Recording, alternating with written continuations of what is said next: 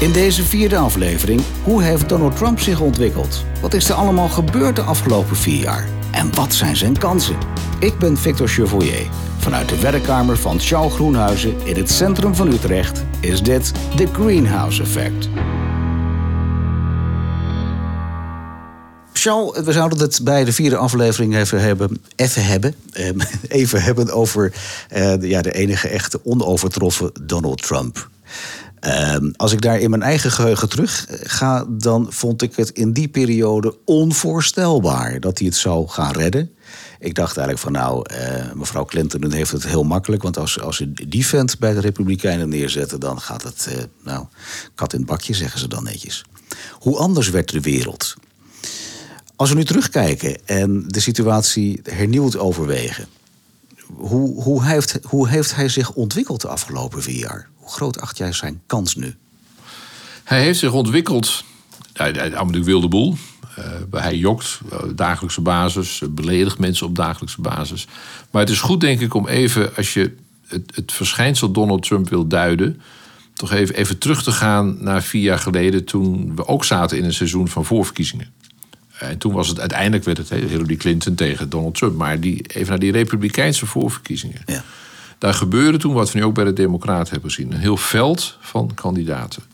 Het gevolg daarvan, eh, sorry, het even cijfermatig. Het gevolg van die grote groep Republikeinse kandidaten toen, en eigenlijk zie je hetzelfde nu met al die Democraten, dunt nu uit. Maar Donald Trump heeft de eerste, pakweg tien voorverkiezingen, die beslissend waren voor zijn kandidatuur, met naar verhouding heel weinig stemmen kunnen winnen. Omdat er zoveel andere kandidaten waren die ook allemaal stemmen kregen, minder dan hij. Maar hij won voorverkiezingen met 32, 33, 34 procent van de stemmen. Mhm. Dat betekent dat 65 procent van die Republikeinse kiezers toen op een andere kandidaat stemden. Jeb Bush, Ted Cruz, Marco Rubio en al die anderen. Maar een ruime meerderheid zei toen geen Donald Trump maar een van de anderen. En toch won die door het systeem zoals dat er is. Zoals we nu Bernie Sanders een aantal van die dingen met minderheden van stemmen zien winnen. En dat is eigenlijk het verhaal steeds geweest, naar mijn waarneming van Donald Trump, dat er een grote kloof is tussen aan de ene kant de grote mond van Trump en de zelfverzekerdheid en qua politieke marketing het geniale van eh, Donald Trump, want dat moet je hem nageven. En aan de andere kant het feit dat hij altijd met een minderheid van stemmen heeft geregeerd. Want ik noem nu de voorverkiezingen, waar hij een minderheid van de stemmen kreeg, maar toch de kandidaat werd. En zo is het nu een keer geregeld. Vervolgens wint hij de presidentsverkiezingen met een minderheid van de stemmen, want Hillary Clinton had 3 miljoen meer stemmen. En dan nog, nog één voorbeeld. Hij is nu zo machtig omdat hij of zijn Republikeinse partij een meerderheid heeft in de Senaat. Daardoor kon dat Mueller-rapport van tafel worden geveegd. Daardoor mislukte voor de Democraten de impeachment. Dan kan hij een aantal dingen in het Supreme Court kan hij doorduwen.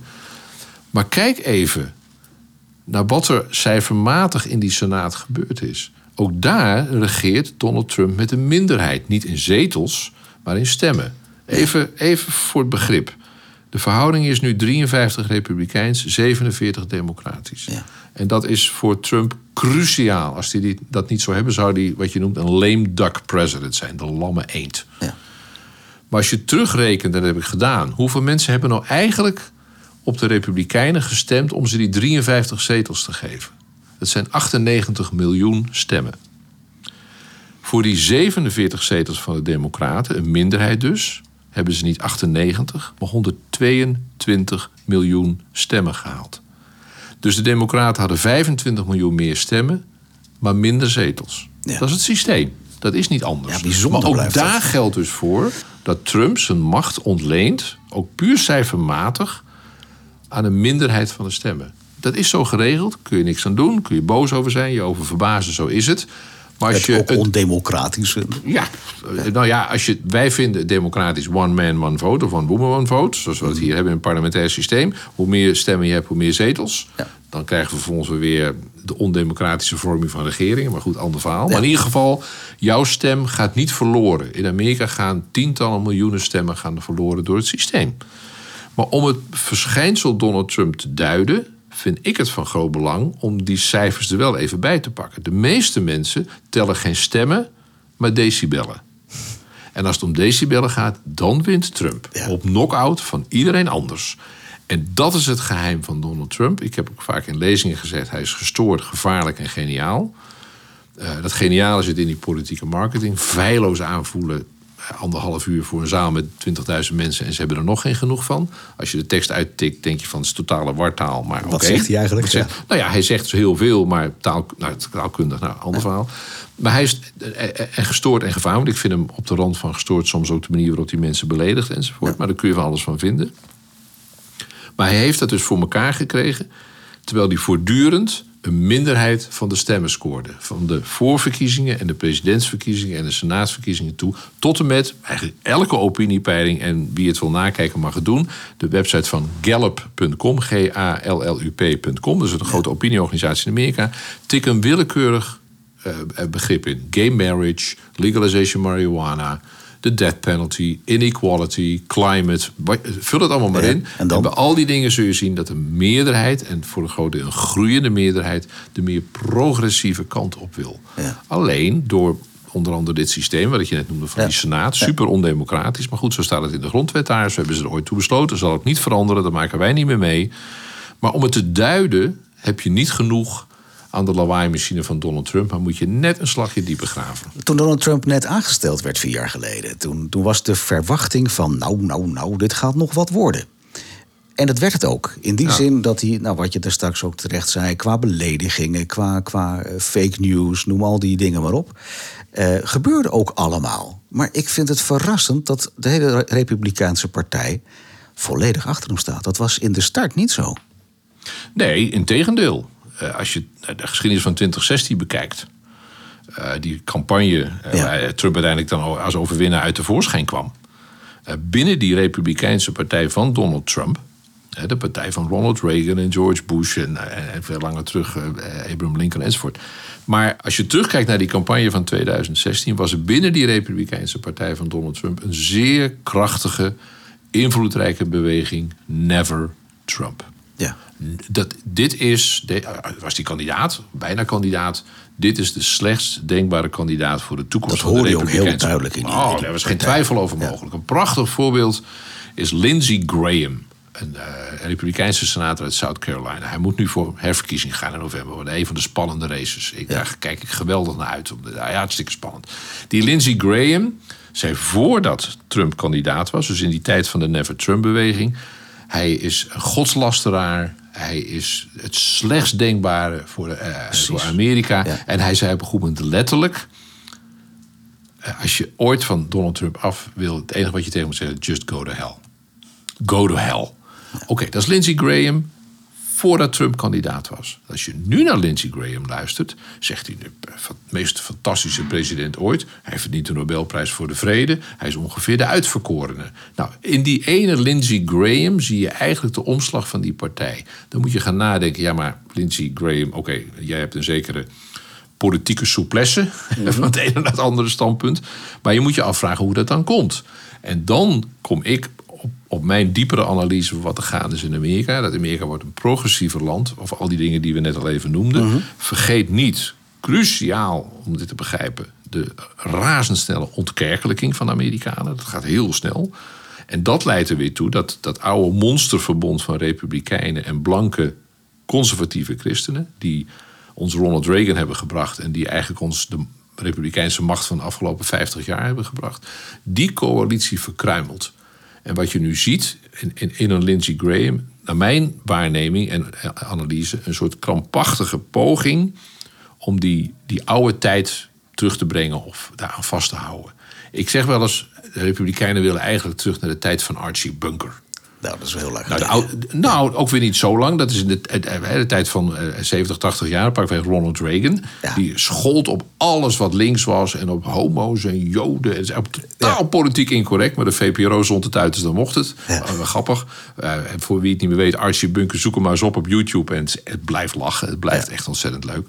Maar, maar essentieel in mijn analyse is dat die Republikeinen ook wel zien dat Amerika progressiever wordt. Ook zien dat Amerika in rap tempo verkleurt en die minderheden stemmen in meerderheid democratisch. Ze hebben het tij, ze hebben de tijd gewoon tegen. De Amerikaanse demografie werkt tegen de Republikeinen. Het, het, het, de ontkerkelijking werkt tegen de boodschap van de Republikeinen.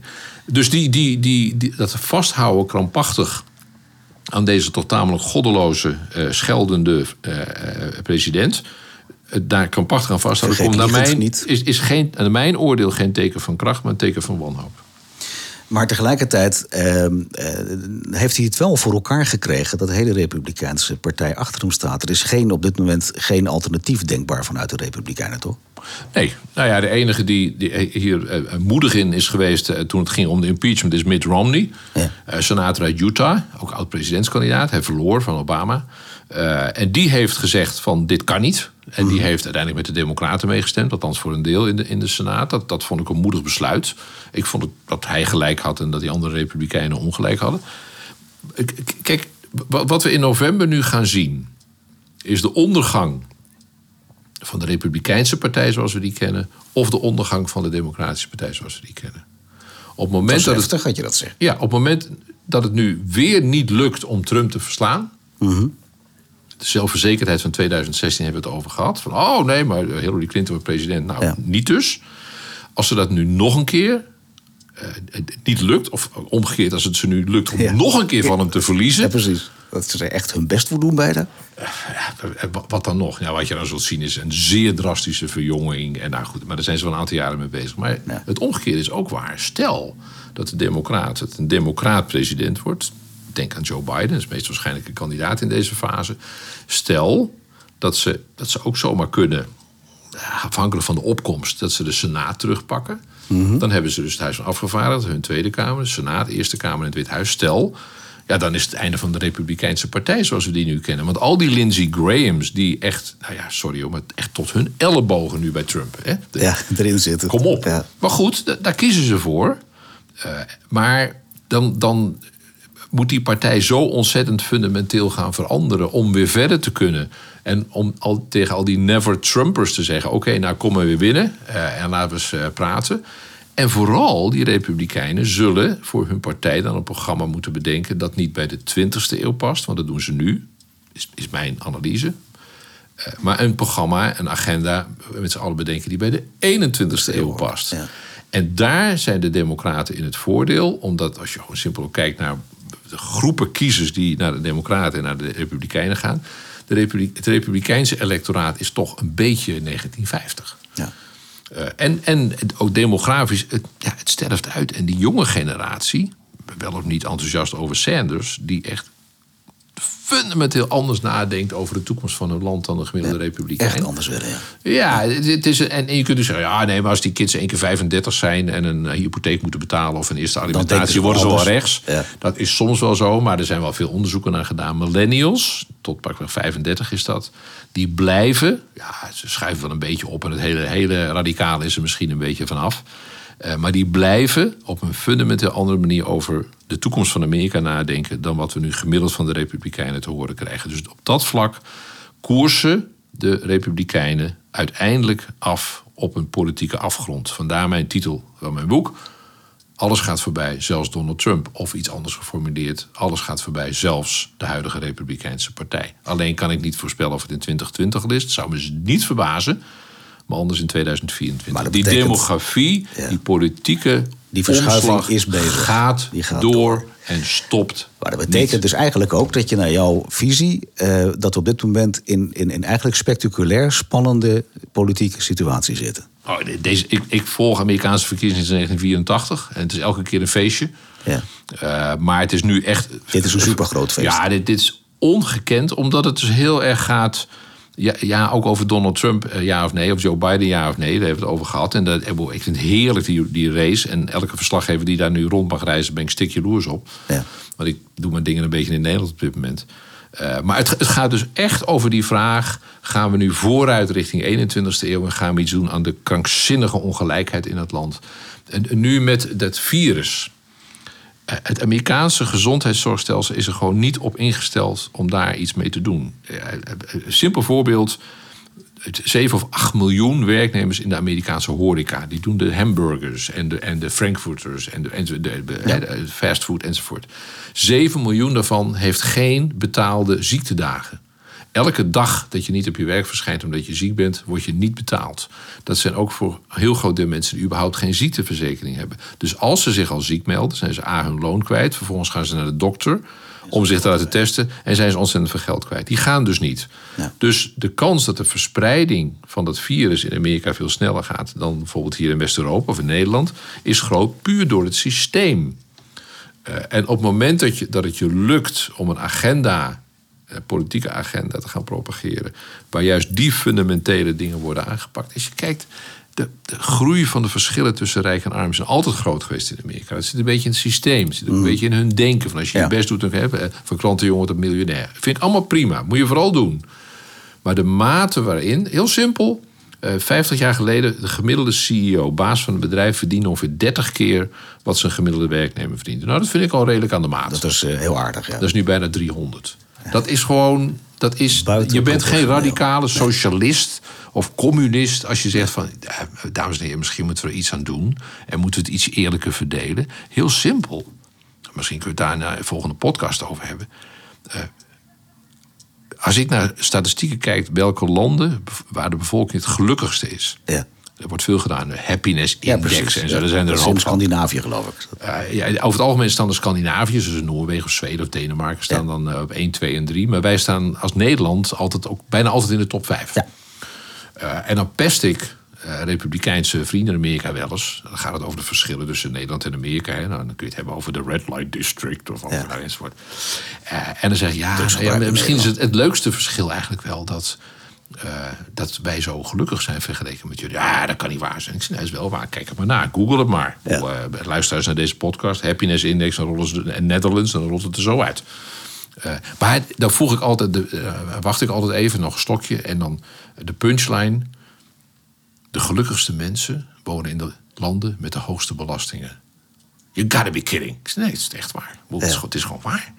Dus, en, en, maar dat, dat past zo niet in dat Niet rechtse denken. plaatje van het hoe zij erover kan niet zo zijn Nee. dat jou en mijn belastingdollars besteed worden aan iets waar we met z'n allen uiteindelijk beter van worden. Of nog leuker, als waar we met z'n allen gelukkiger van worden. En als je gewoon simpelweg naar de cijfers kijkt, dat gesprek wordt dan. Of je praat er nog een uur over door, of ze zeggen van ik ga nog maar even een glaasje halen. Mhm.